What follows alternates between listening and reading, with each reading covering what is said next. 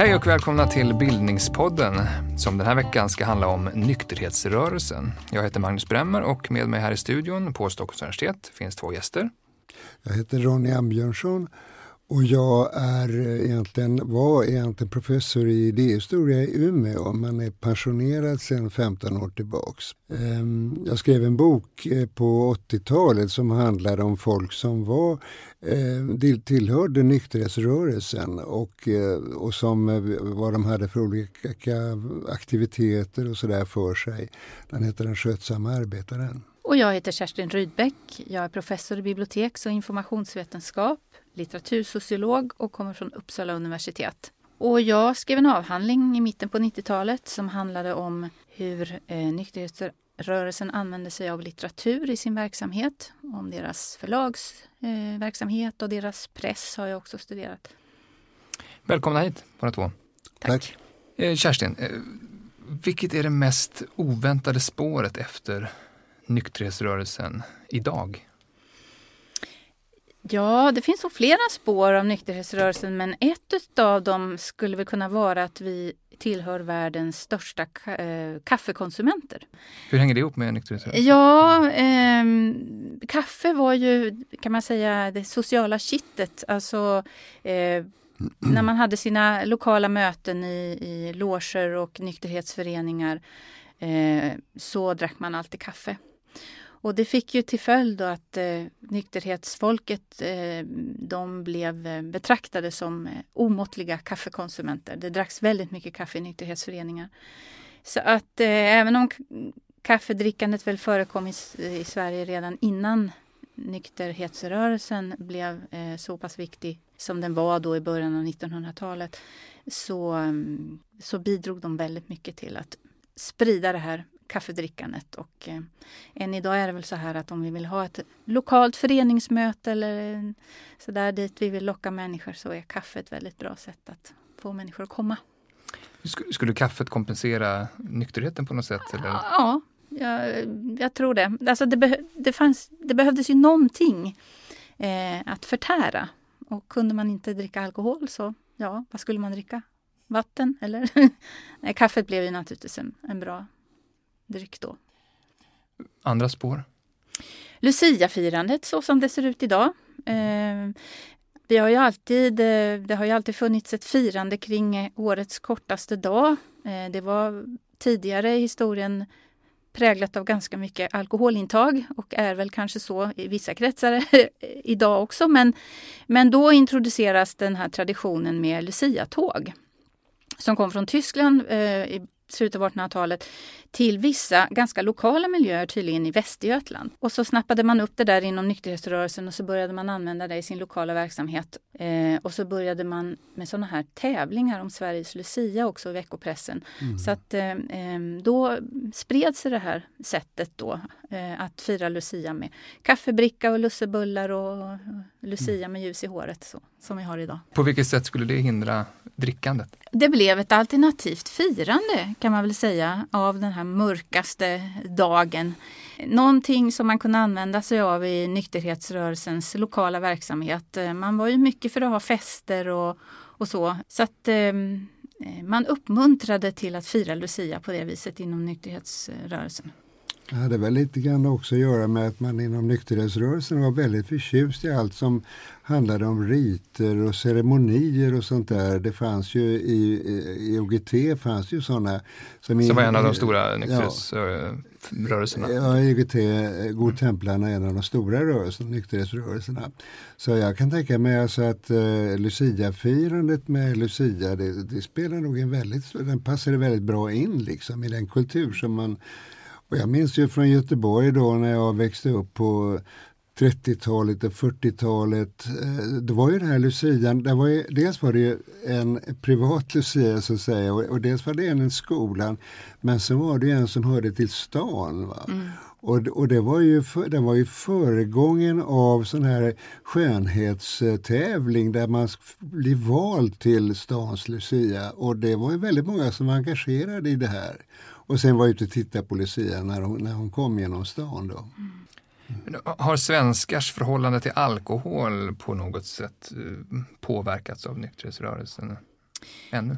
Ja, det tror jag faktiskt. Eh, kanske att det där har minskat lite grann de senaste decennierna men, men eh, vi har nog i viss mån fortfarande ett lite skuldbelagt förhållande till alkoholen i det här landet. Alltså vi har ett dåligt samvete när vi dricker alkohol.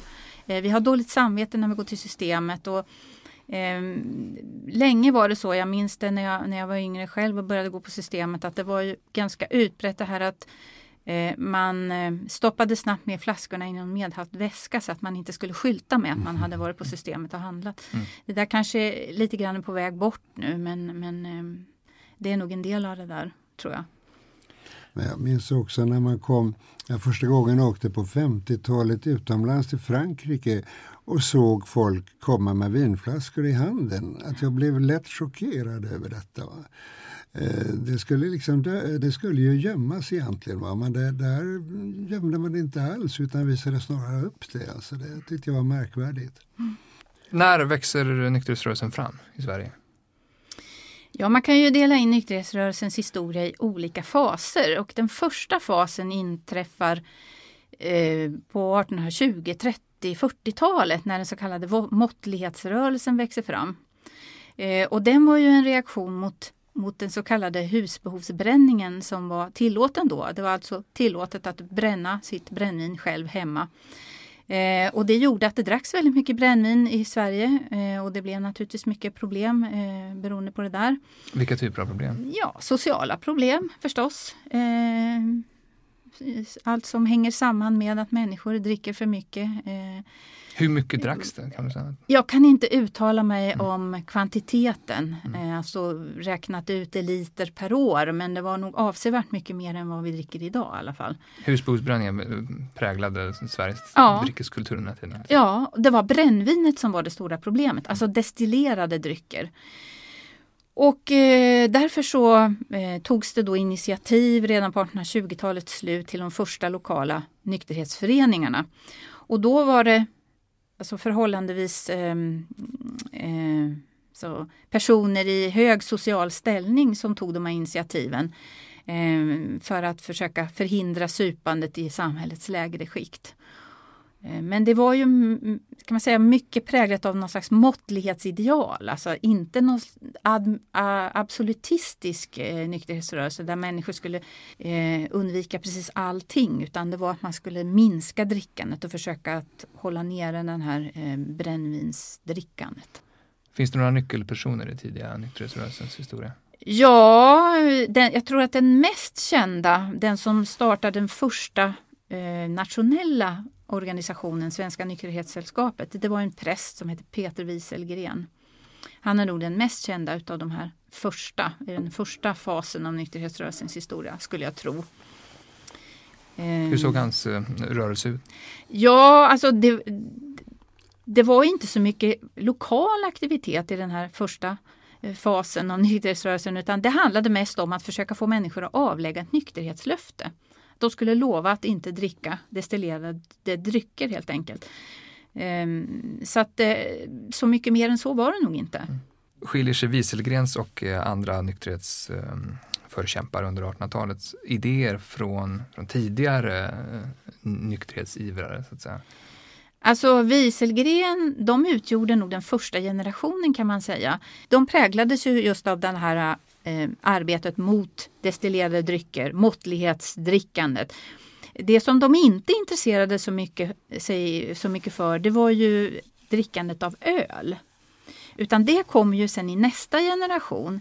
Därför att under 1800-talet eh, under senare delen av 1800-talet så växer ju den mera industrialiserade produktionen av öl fram. Alltså vi börjar få bryggerier runt om i bygderna som kunde producera hur mycket öl som helst och då då är det ölet som blir det stora problemet. Man började köra ut öl med häst och vagn runt i bygderna till folk, ungefär som ja, glassbilen idag, alltså bryggarbilen. Eller, eh, ja, på den tiden var det inte bilar utan häst och vagn. De nådde ju ut överallt. Och det blev ett jätteproblem i slutet av 1800-talet med det, detta omåttliga öldrickande. Och det är då vi får de, den, nästa generation nykterhetsorganisationer, de som vi brukar kalla för de absolutistiska nykterhetsorganisationerna, som arbetade mot all form av alkohol. Eh, och det är väl oftast de som vi tänker på idag när vi hör ordet nykterhetsrörelsen. För då kommer Godtemplarrörelsen, Blå bandet, Verdandi, Templarrörelsen, alltså en lång rad olika organisationer. Många av dem med eh, sina rötter i USA eller Storbritannien framförallt. Och ungefär när etablerar sig de i Sverige? Slutet av 1870-talet, under 1880-90-talet. Mm. Vilka medel arbetar de? Ja, alltså de, äh, jag ska säga, det var ju en rörelse som, som startade underifrån kan man säga. Så att, eh, den skiljer sig på det viset också från den här första måttlighetsinitiativen som ju kom uppifrån samhällets eh, övre skikt. Nu engagerades eh, människor i samhällets lägre skikt och det var ju ofta sådana människor som ännu inte hade rösträtt men som togs i anspråk som skattebetalare och som såg att det här alltså alkoholproblemet, den ökande alkoholkonsumtionen ställde krav på samhället, ställde krav på dem som skattebetalare som de kanske inte var beredda att acceptera. De ville göra någonting åt det här och eftersom de inte hade rösträtt så var de tvungna att göra det på något mm. annat sätt och då organiserade de sig i nykterhetsföreningar istället. Godtemplarrörelsen, var, var kommer alla de här högtidliga namnen ifrån? De är ju alltså importerade. Nykterhets, eller Godtemplarrörelsen är ju från USA.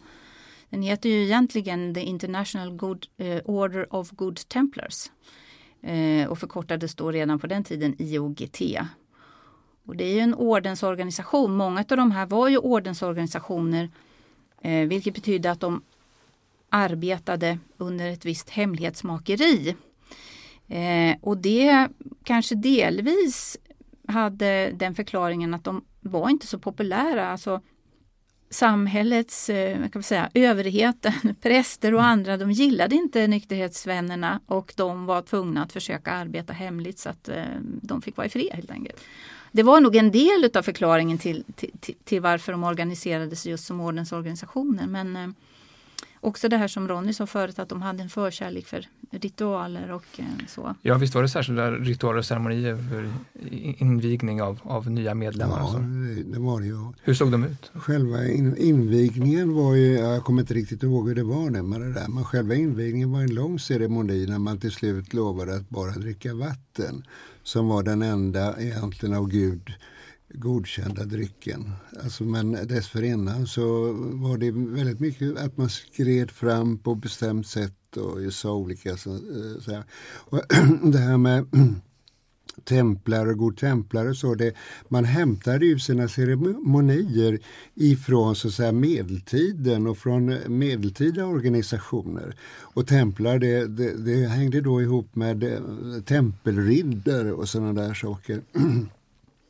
Och sen tror jag också att det att eh, eh, när man försökte gripa sig an med själva nykterhetsfrågan så tror jag att man, man upplevde nog att man, alltså supandet försiggick ju i, på olika ställen, alltså den här olika rituella innebörden, men det var ju också så att man, när man kom samman, att man drack öl, eller man drack till och med brännvin då.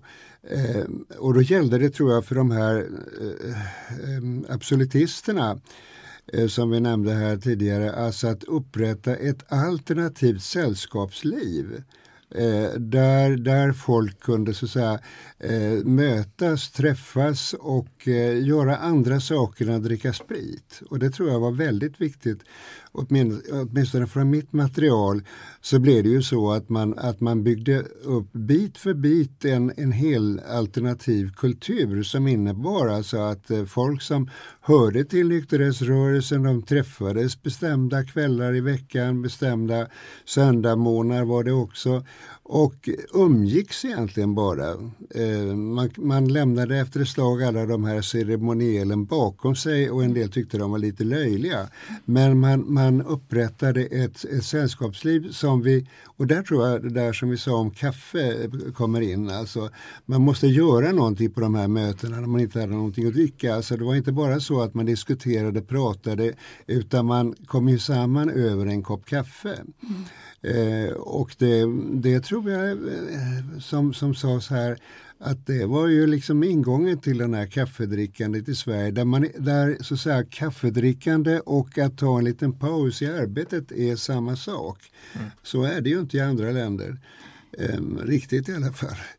Um, men jag tror framförallt det här alltså att man byggde upp det här alternativa kulturlivet, att man man lånar ut böcker böcker, man byggde upp alltså biblioteksverksamhet, man ordnade mm, teatercirklar där man spelade teater för varandra, man deklamerade dikter.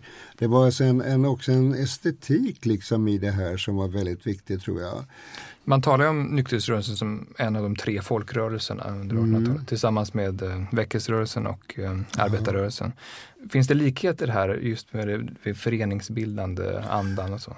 Ja, jag tror alltså att eh, hela det här föreningsbildandet slutet av 1800-talet, början av 1900-talet hänger ihop. Alltså att man vill skapa alternativa, väckelserörelsens folk vill ju skapa alternativ till statskyrkan som de uppför, upplevde som någonting som var styrt uppifrån och som där präster och andra försökte styra, styra deras liv. Alltså man ville ha en alternativ eh, religion, religiositet liksom helt enkelt. Va? Och, eh, arbetarrörelsen försökte ju också så kollektivt bygga upp kollektiva eh, organisationer, grupperingar som kunde ha, eh, utöva en politisk verkan. Och vad jag eh, tänker mig, det är ju, eller vad jag märker i mitt material ifrån Holmsund, det är ju så att säga att arbetarrörelsen, socialdemokratin i första hand, men också ja, fackföreningsrörelsen får man väl säga och de här godtemplarrörelsen, nykterhetsrörelsen. Det var väldigt mycket samma folk. Alltså var man aktiv inom nykterhetsrörelsen så var man det också inom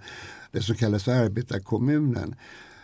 Sen är det så här att väckelserörelsen fanns ju med i det här men jag tror inte att alltså, gemenskapen mellan arbetarrörelsen, nykterhetsrörelsen och väckelserörelsen var lika stark. Va? Men jag tror nog att man utgick ifrån samma så säga, behov och lösning av samhällsproblemet, nämligen att det skulle ske kollektivt. Det tror jag var väldigt viktigt.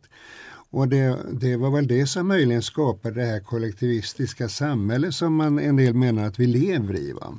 Nu tror jag inte att det är riktigt kollektivistiskt, va? men det finns kollektiva strukturer eh, på ett annat sätt än i andra länder. Hade nykterhetsrörelsen starkare kopplingar till någon av de andra folkrörelserna?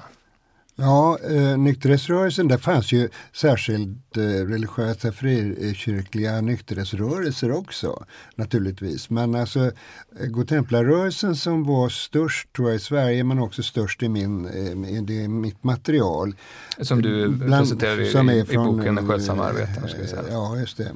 Som är från Holmsund som ligger utanför Umeå. Eh, jag kan tänka mig alltså att det finns ju Eh, nykterhetsrörelsen, eh, Ehm, på något sätt inom nykterhetsrörelsen växte det fram tror jag ett sätt att läsa och studera som skilde sig från skolans sätt. I skolan så fick man ju lära sig katekesen och så fick man lära sig vissa eh, naturämnen eh, och sådär. Men, men, men, eh, och, och historia naturligtvis också. Men inom nykterhetsrörelsen så tror jag man diskuterade. Man läste inte bara för att plugga in liksom någonting som, som man fick göra i skolan utan man läste för att lära sig och ifrågasätta och diskutera och prata kring det. Va? tänker mig att det är på det sättet att skola, kyrka står för en viss typ av läsning. Alltså att man lär sig för att kunna saker och ting utan till och läsa upp till en början då i husförhör och sådär. I skolan skiljer sig inte så väldigt mycket från från hur, hur kyrkan lägger upp liksom sina, sin läsning.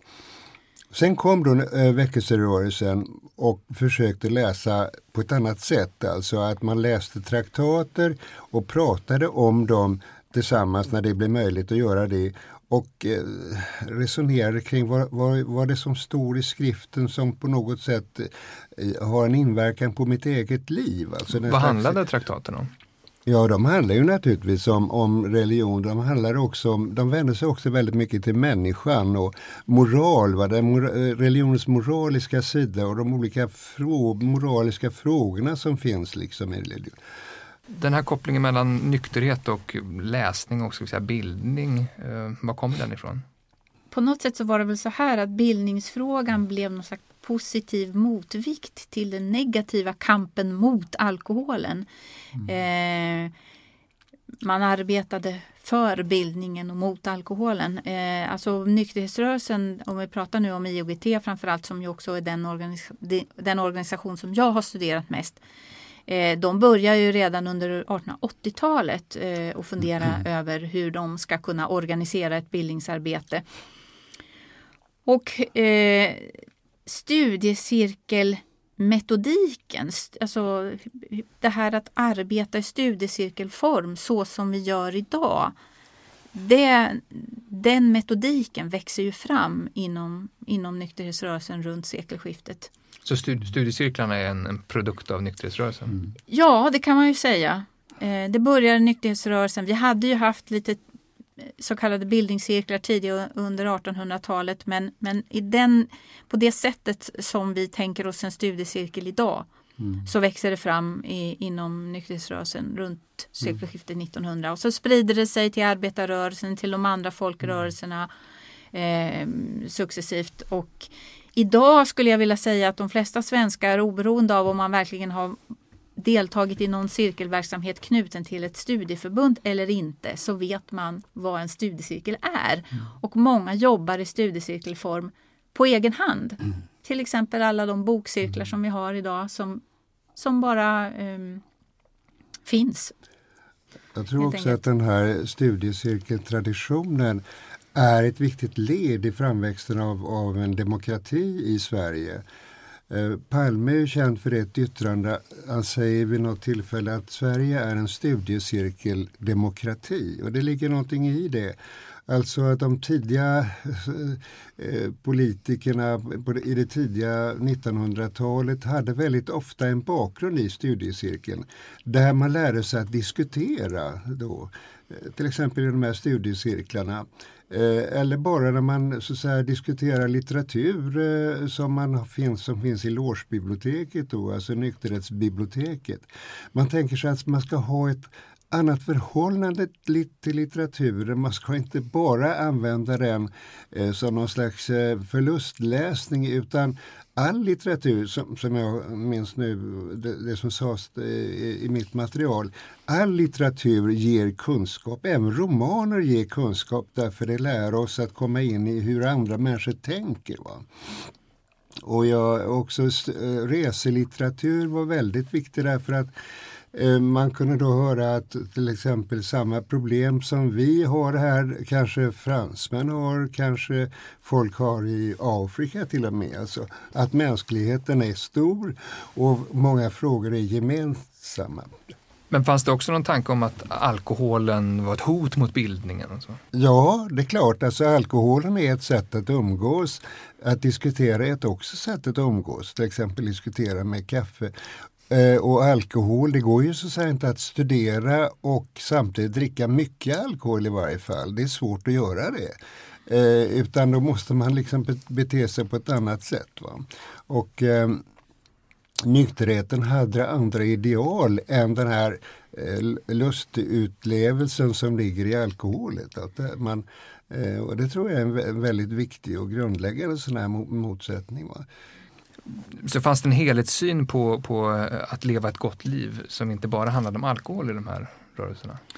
Ja, det tror jag väl i, i, i viss mån. Eh, alltså, eh, om, om vi nu fortfarande pratar om eh, den absolutistiska nykterhetsrörelsen då, eh, under kanske 1900-talets första hälft så fanns det väl det. Alltså det växte ju fram en, en, en organisationer med viss koppling till eh, nykterhetsrörelsen och arbetarrörelsen som, som drev det där väldigt långt som till exempel frisksportarrörelsen mm. eh, som var väldigt inne på det där. Det fanns mm. flera sådana där olika och, och, man kan ju se det också att det fanns vissa kanske kretsar inom de nykterhetsanslutna som också var för vegetarianism och mm. sådana här saker.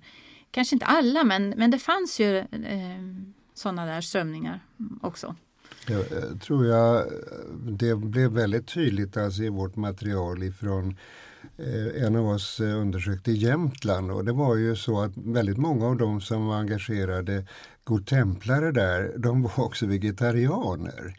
Ehm, och det fanns även de som ehm, var frisksportare. Alltså jag kommer ihåg min pappa som inte var organiserad nykterist. Va? Men han var ju han var ju um, uh, han var ju frisksportare alltså. Det innebar då inte att man ute och sprang och joggade särskilt mycket utan man levde liksom ett friskt och sunt liv. Alltså. Mm.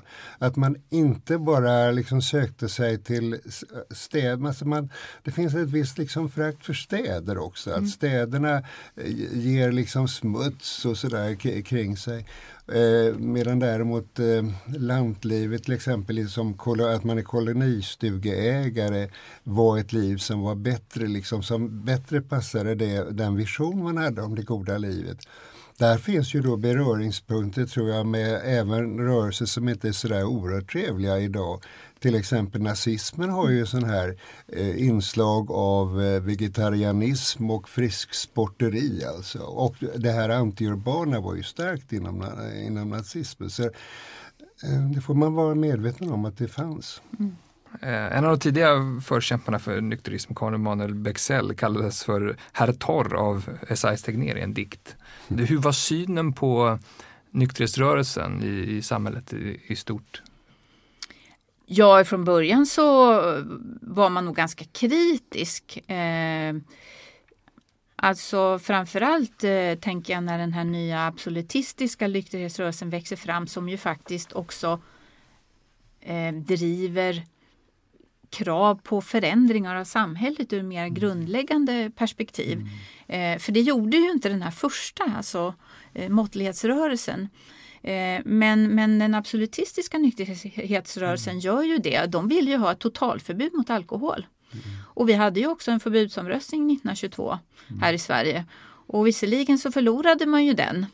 Eh, men vi fick ju istället ett motbokssystem som vi hade kvar eh, ända fram till mitten på 50-talet. Vad, in, vad innebar det? Det var ett, ett, eh, alltså ett restriktionssystem som innebar att man fick inte köpa hur mycket sprit och mm. starka varor som helst utan man, man fick bara köpa en viss kvantitet per månad.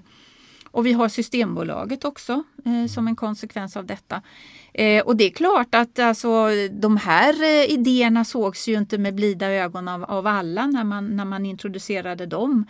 Eh, och eh, inte minst så hade man ju då inom nykterhetsrörelsen ett ganska ont öga till prästerna som ofta var ganska kritiska mot nykterhetsrörelsen, statskyrkans präster. varför då? Ja, de såg väl hela nykterhetsrörelsens, eh, nykterhetskulturen som ett hot mot, mot eh, kyrkans makt. Och, alltså att, som samlande kraft? Ja, och människor gick till logen istället för till kyrkan. Mm. Helt enkelt. Det var väldigt eh, uppenbart liksom och tydligt. I mitt fall i Holmsund så la man ofta möten alltså på söndag så att det skulle sammanfalla med högmässan. Eh, och, och, så ordnade man, man kan inte påstå någon alternativ högmässa, men det var väldigt mycket diktuppläsning, lite mer högtidligt var det då på söndagsmorgnarna.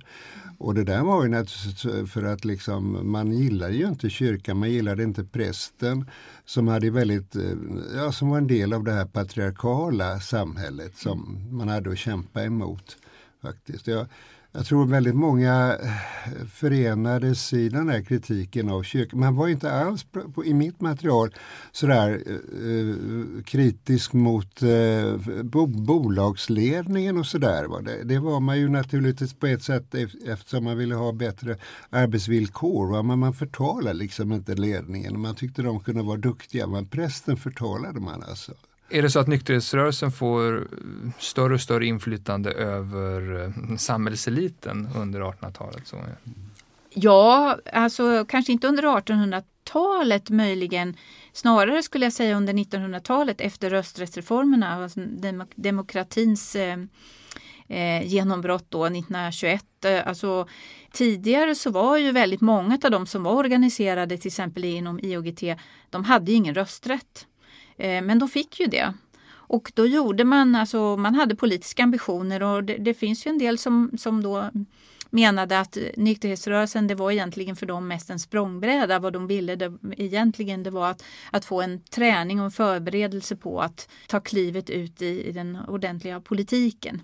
Alltså inom nykterhetsrörelsen så var det ju väldigt viktigt det här att man, man, eh, man skrev protokoll och man förde bok över medlemmarna och, och deras avgifter och så. Och det gör ju faktiskt idag att vi kan studera dem så bra för att de har ju efterlämnat ett fantastiskt källmaterial i all, alla dessa handlingar. Mm.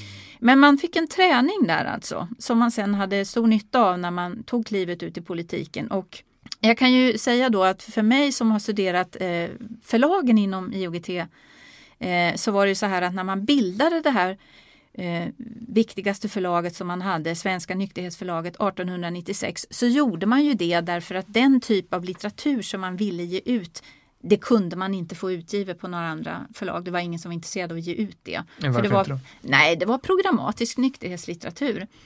Eh, I början på 20-talet då har detta förlag sina styrelsesammanträden i riksdagens sällskapsrum därför mm. att alla styrelseledamöterna har blivit riksdagsledamöter.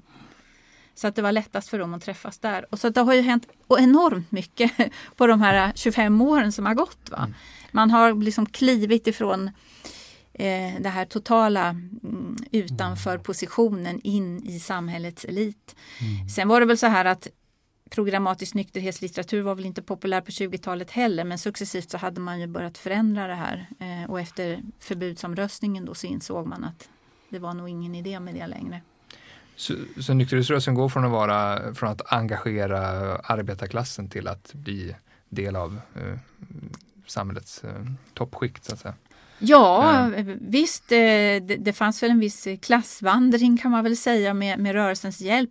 Sen så kanske man ska vara uppriktig också och säga att om man tittar då på vad det var för människor inom den lägre medelklassen och arbetarklassen som, som gjorde karriär inom rörelsen så, så, så var det kanske inte riktigt vem som helst utan eh, det kanske var, det var inte staterna som gjorde karriär in, inom IOGT utan det snarare kanske var arbetareliten eh, sk skulle jag väl säga åtminstone på de föreningar där jag har tittat eh, så var det mm. väldigt tydligt. Men jag skulle också vilja tillägga en annan sak och det är att jag har ju tittat också på barn och ungdomsverksamheten inom IOGT och det var ju väldigt tydligt att det var människor i den lokala verksamheten som engagerade sig där som tror jag ofta kom i kontakt med alkoholens härjningar. Alltså barnmorskan, lärarna var jätteviktiga, eh, fattigvårdsföreståndare, eh, sådana människor eh, som, som tror jag verkligen såg alkoholeländet faktiskt. Mm.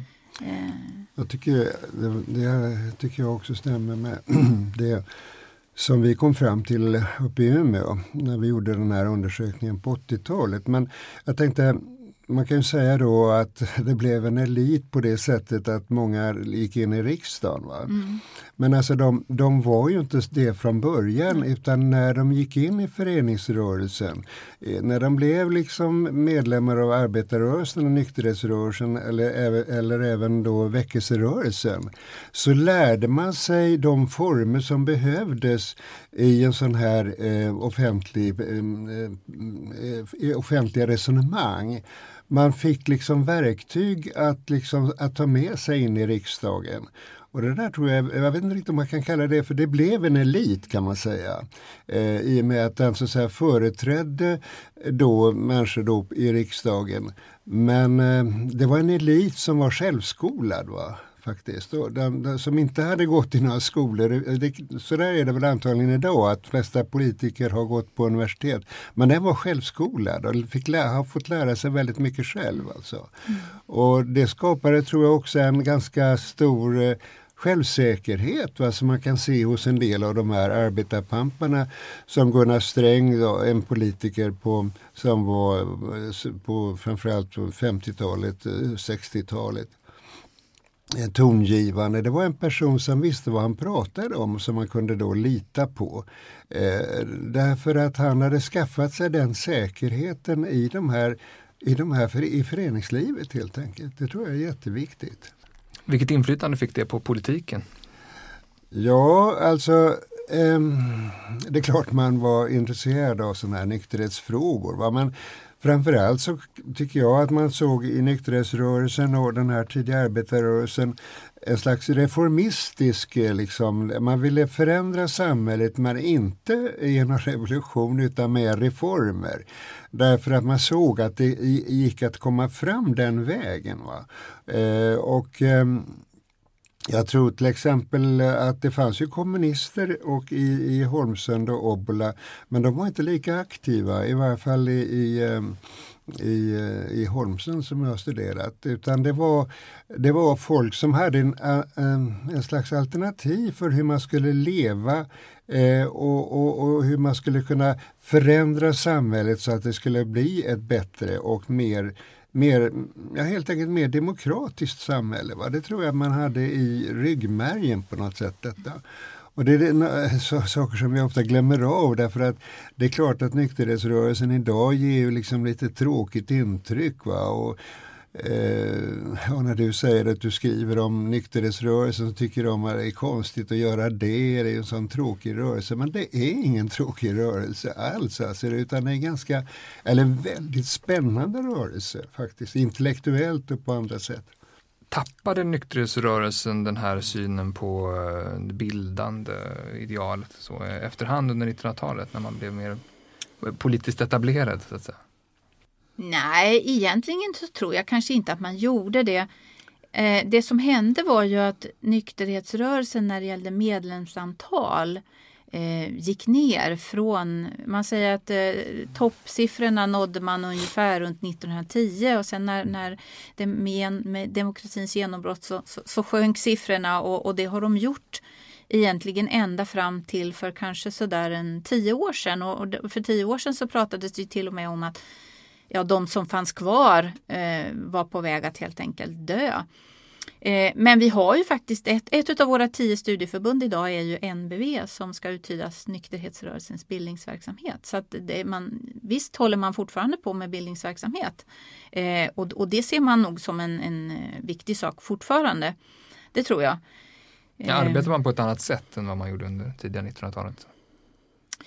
Alltså jag tror att bildningsverksamheten har nog varit ganska central sen förbudsomröstningen för att före det så var det mer det politiska arbetet. Att, att alltså verkligen uppnå detta förbud som, var, som stod i centrum. Och sen när man insåg att det skulle inte gå så fick man arbeta eh, kanske på andra sätt genom, genom upplysning och bildningsverksamhet. Sen har man ju ändå genom de politiska positioner som man har fått eh, inte minst då i riksdagen eh, säkert eh, varit viktig, väldigt viktiga för att utforma den alkohol och drogpolitik som vi har i Sverige idag. Eh, när jag gick i gymnasiet på 70-talet eh, så fick jag lära mig att en stor majoritet av Sveriges riksdagsledamöter var organiserade nykterister och det var så då fortfarande. Det var liksom en ganska självklar väg i den politiska karriären att man skulle, man skulle vara det jag vågar inte säga hur många som är organiserade nykterister idag men jag tror absolut inte att det är någon majoritet av ledamöterna i alla fall. Vad tror du skillnaden beror på?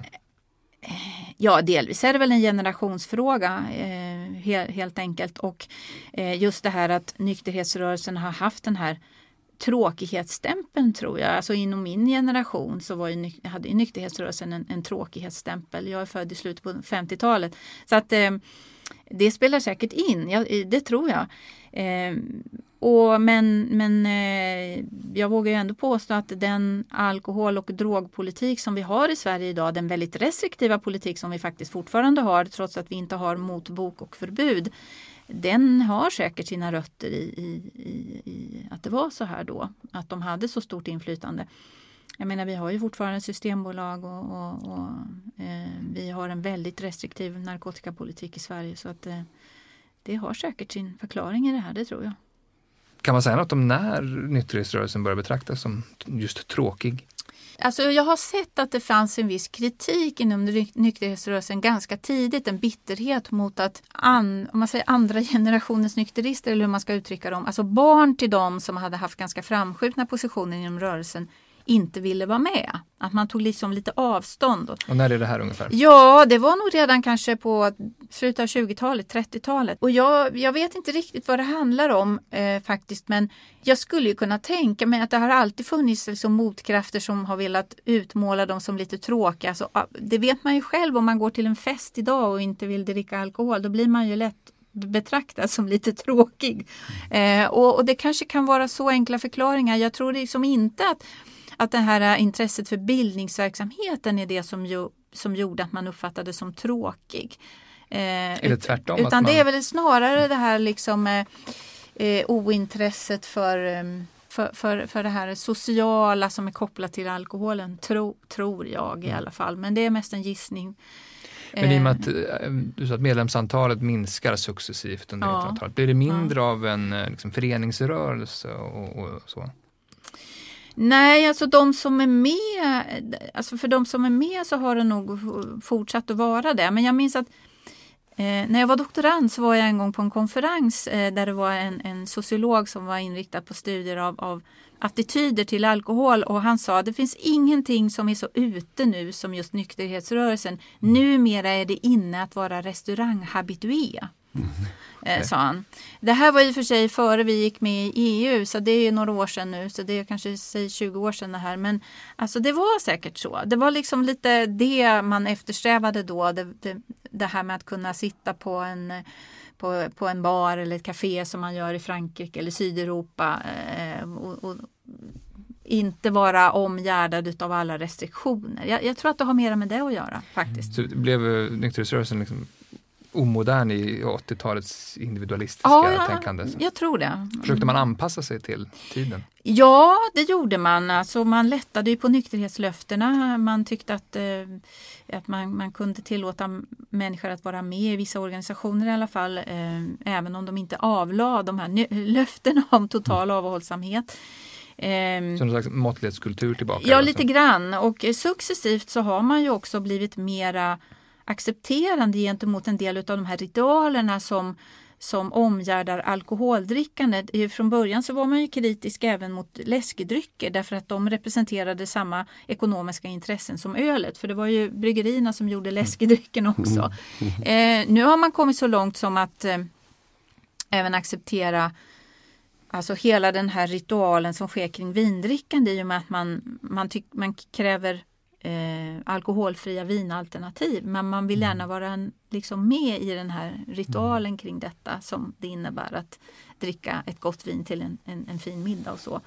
Eh, det var inte så förr men det har successivt blivit mer och mer så tillåtande till, till de här sakerna. Eh, Vad tror du det beror på? Hänger det inte ihop med sånt där som att folk börjar resa ja. liksom på ett annat sätt eh, från kanske 50-talet och framåt. Och att de såg, som du säger, alltså de såg till exempel i Paris, där sitter folk och dricker väldigt öppet.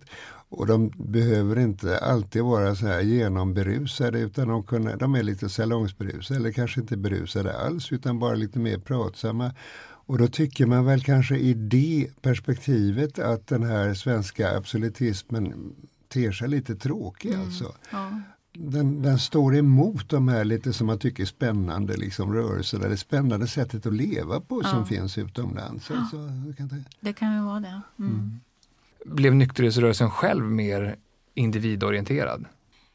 Hela den absolutistiska rörelsen med IOGT i spetsen, de företrädde ju en kollektiv lösning på lokal på alkoholproblemen i samhället, alltså genom restriktioner som omfattade alla, inte bara de som själva personligen hade problem utan alla medborgare så skulle man lösa alkoholproblemen i samhället.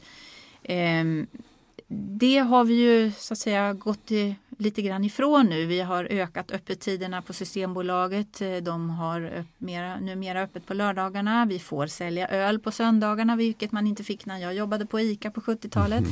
Mm. Det har blivit fler utskänkningstillstånd. Vi har mycket fler krogar idag. Mm. Eh, så att eh, ja, vi får ta in mera sprit och vin till Sverige än vad vi fick förr när vi är ute och reser. Så att det har ju skett en del sådana här generella lättnader. Och eh, idag så kan man väl se att eh, de organisationer som arbetar mot alkohol och droger är mera inriktade på individen. Alltså istället för att eh, skapa lösningar som påverkar oss alla så finns det organisationer som är öppna för människor med problem och som erbjuder sig att hjälpa just de människorna med deras problem. Men de har i övrigt inte så stora eh, synpunkter, så mycket synpunkter på andra människors eh, ja, drickande eller så. Så att eh, det finns kan man säga en om man nu ska tänka sig nykterhetsrörelsens utveckling som tre faser, då vi hade måttlighetsorganisationerna i början av 1800-talet och sen har vi de absolutistiska organisationerna som väl har präglat större delen av 1900-talet. Så är vi nu i slutet på 1900-talet och under 2000-talet inne i en ny fas då, som är mer individualistiskt inriktade organisationerna som Anonyma Alkoholister och sådana. Det får bli eh, sista orden för den här gången. Mm. Eh, tack så mycket Ronny Amjörsson och Kerstin Rydbeck för att ni vill vara med i Bildningspodden. Mm. Eh, och tack för att ni har lyssnat. Eh, ni kan hitta fler program som vanligt på bildningspodden.se och gärna följa oss i sociala medier. Du har lyssnat på Bildningspodden, en podcast från humanistiska fakulteten vid Stockholms universitet. Producerad av Magnus Bremmer och Claes Ekman Podden spelas in på Språkstudion och tekniker är Henrik Nordgren.